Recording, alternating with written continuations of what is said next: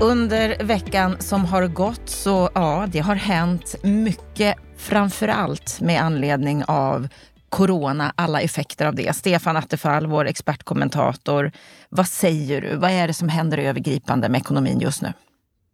Ja, det är ju ett dramatiskt skede, inte bara på den medicinska fronten utan även på ekonomins område. Och jag tror att om vi ser nu kulmen på de medicinska effekterna av av coronasmittan de närmaste veckorna så kommer vi se de ekonomiska effekterna under många, många månader framåt, kanske år också.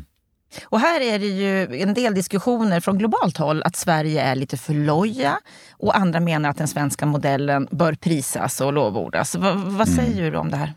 Ja, det, det, det här, här, kan man göra bara bedömningar. Jag tror att Sverige ändå håller en relativt vettig linje. Eh, men det bygger väldigt mycket också på att vi har ganska mycket tilltro i Sverige till myndigheternas råd och vi följer dem. Alltså man, man samlas ju inte 499 stycken personer eh, om gränsen är 500, utan man samlas överhuvudtaget inte alls. Undantag finns ju alltid självklart. Alltså vi, vi, vi över, nästan överimplementerar myndigheternas råd och då funkar den här mera ansvarslinjen. Medan i andra länder så lyder inte folk rekommendationer och tvingas man till drastiska åtgärder. Jag tror att det är en viktig förklaring. Men eh, och så är vi ett glesbefolkat land också, vilket också underlättar det hela. Men eh, jag tror ju att eh, vi, måste, vi får inte glömma bort att de stora effekterna kan bli på ekonomins område som ska, skapar enorma förluster i ekonomiska värden, men också förluster i människoliv. För att här har du hälsoaspekter och självmord och livstragedier som följer också i spåren av konkurser och, och andra saker. Så det, det, det, är en avvägningsfråga det här. Men, men allt handlar också hur lång tid Sverige är så här nedstängt som vi är nu. Korta tid så blir det mindre effekter, längre tid enorma effekter. Mm, så vi får bara avvakta och se vilka enorma effekter som skulle ja. kunna komma. Och när vi tittar då på branschen, fastighetsbranschen, byggbranschen. Än så länge så är ju byggbranschen inte jättepåverkad vad jag förstår. Byggvärlden har bland annat gjort en rundringning här i veckan där man säger att det är lite lugnet före stormen inom bygg. Ja, och det är nog rätt uppfattat bland de flesta större och ska säga, de som har kontrakt som rullar på. Men man ska komma ihåg att prognosmakarna pekar nu på att nu kommer ekonomin att sjunka med flera procentenheter av BNP. Eh, Swedbank kommer med prognoser som säger att vi kan få en 10 arbetslöshet redan till sommaren. Och det är klart det slår igenom på också byggprojekten, fast det tar längre tid innan det slår igenom. Vi ser ju redan hur många ska säga, mindre hantverkare får problem. Dels för att hushållen inte vill släppa in hantverkare i sina hem under coronatiden, men framförallt att deras besparingar har rykt nu på fallande börskurser och man ser om sitt hus och man tänker på att nu gäller det att inte ta på sig en massa nya utgifter. Så man gör inte den här badrumsrenoveringen och köksrenoveringen och byter tak som man kanske annars har planerat att göra. Mm, så, så det är värre för de effekterna. små än för de stora just Jag nu, skulle tro att effekterna är snabbare på dem, men mm. det kommer att få nedgång i hela byggsektorn. Och det följer också arbetslöshet i spåren av detta och eh, även konkurser tror jag hos en del företag. Så att det, jag tror att byggsektorn är lite senare i konjunkturfasen här än vad en del andra företag som drabbas direkt. Och när det gäller fastighetsbranschen då, om vi tittar på de som vänder sig till mer kommersiella aktörer. Det är otroligt många branscher här som har det tufft när det gäller restauranger, när det gäller handel ja. och så vidare. Alltså det är också vilken profil man har som företag. Har man logistikfastigheter och kanske verkstadslokaler drabbas man mindre. Men har man mycket, ska vi säga, småföretag, restaurangbransch, hotell, den typen av verksamheter. Då är det inte bara de verksamheterna som går på knäna utan även deras eh, hyresvärdar kommer få problem i form av ökade vakanser, konkurser, men också i form av fallande förmögenhetsvärden. Alltså värdet på fastigheten sjunker när intäkterna blir lägre och då blir det också förluster där. Och har du då inte tillräckliga marginaler i din ska vi säga, upplåning och i din skuldsättning, då kan det få enorma konsekvenser. Men det är också därför tror jag att mycket av aktievärdena har sjunkit mycket på den här typen av bolag snabbt, mer än genomsnittet också. Mm. Om vi tittar på bostadsförsäljningar så sker det ju också väldigt mycket där. Eh, när vi tittar på Hemnet så ökade antal bostadsrätter där till försäljning med 20 procent förra veckan jämfört med samma vecka i fjol.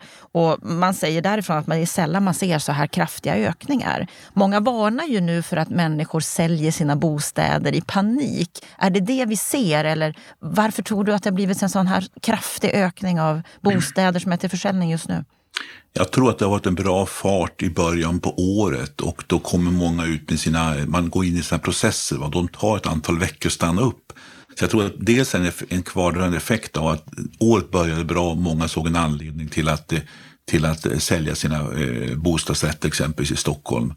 Eh, det andra effekten det är att en del försöker, just som du själv antyder nu, snabbt sälja innan det blir värre.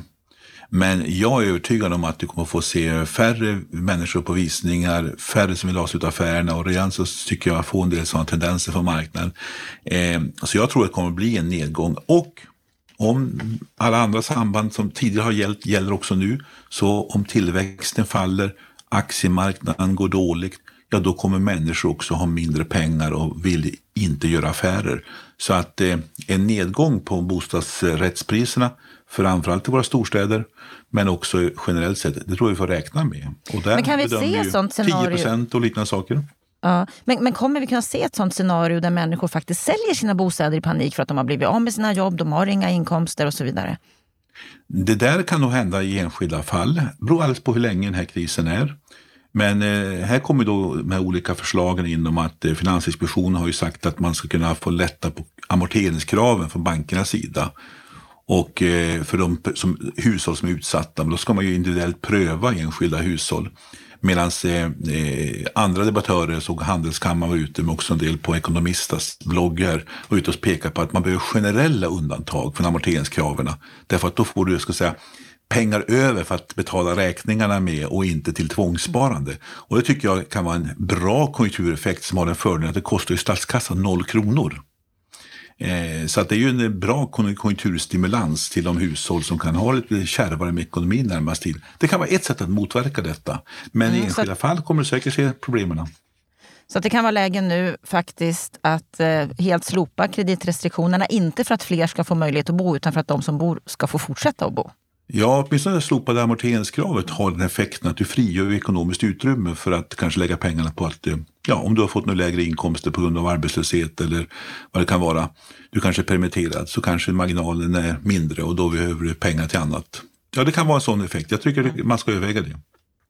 Sen har vi sett journalister i veckan också skriva krönikor eller debattartiklar där de hävdar att det finns en risk för räntechock hos privatpersoner just nu. Att de kommer ja. att tvingas gå från hus och hem. vad, vad säger du om det? Det finns mycket galenskap i debatten också. Detta är ett uttryck för detta. Därför att vi har inte en 90-talskris med fast växelkurs och, och där, där räntorna steg samtidigt som konjunkturen gick nedåt. Det enda vi kan vara säkra på i det här läget det är ju att räntorna på exempelvis bostadslånen inte kommer att chockhöjas. Utan tvärtom, den stimulans som görs av, av centralbanker runt om i världen tyder på att ränteläget kommer att vara lågt lång tid framåt. Det är den positiva effekten i detta. Så det finns undantag att exempelvis vi har stöket på obligationsmarknaden och sådana saker. Men det beror på att likviditeten just nu är lite osäker. Men jag tror inte att man kan räkna med att det blir en räntechock. Utan problemet blir snarare likviditetsproblem och att vi får en allmän konjunkturnedgång som i sin tur gör att människor får eh, exempelvis tappa jobbet och det svårare att betala sina, sina räkningar. Det är den effekten vi kan se som en fara, men inte räntorna skulle börja stiga. Eh, det, det, det, går emot alla ekonomiska samband som vi har. Så du menar att vi kan sak... vara helt lugna där? Vi behöver inte vara oroliga? Ja, det är inte det som är faran om man säger så. Mm. Och, och, man säger också att Riksbanken har inte längre någon ammunition i lådan, de har så låg ränta redan från början.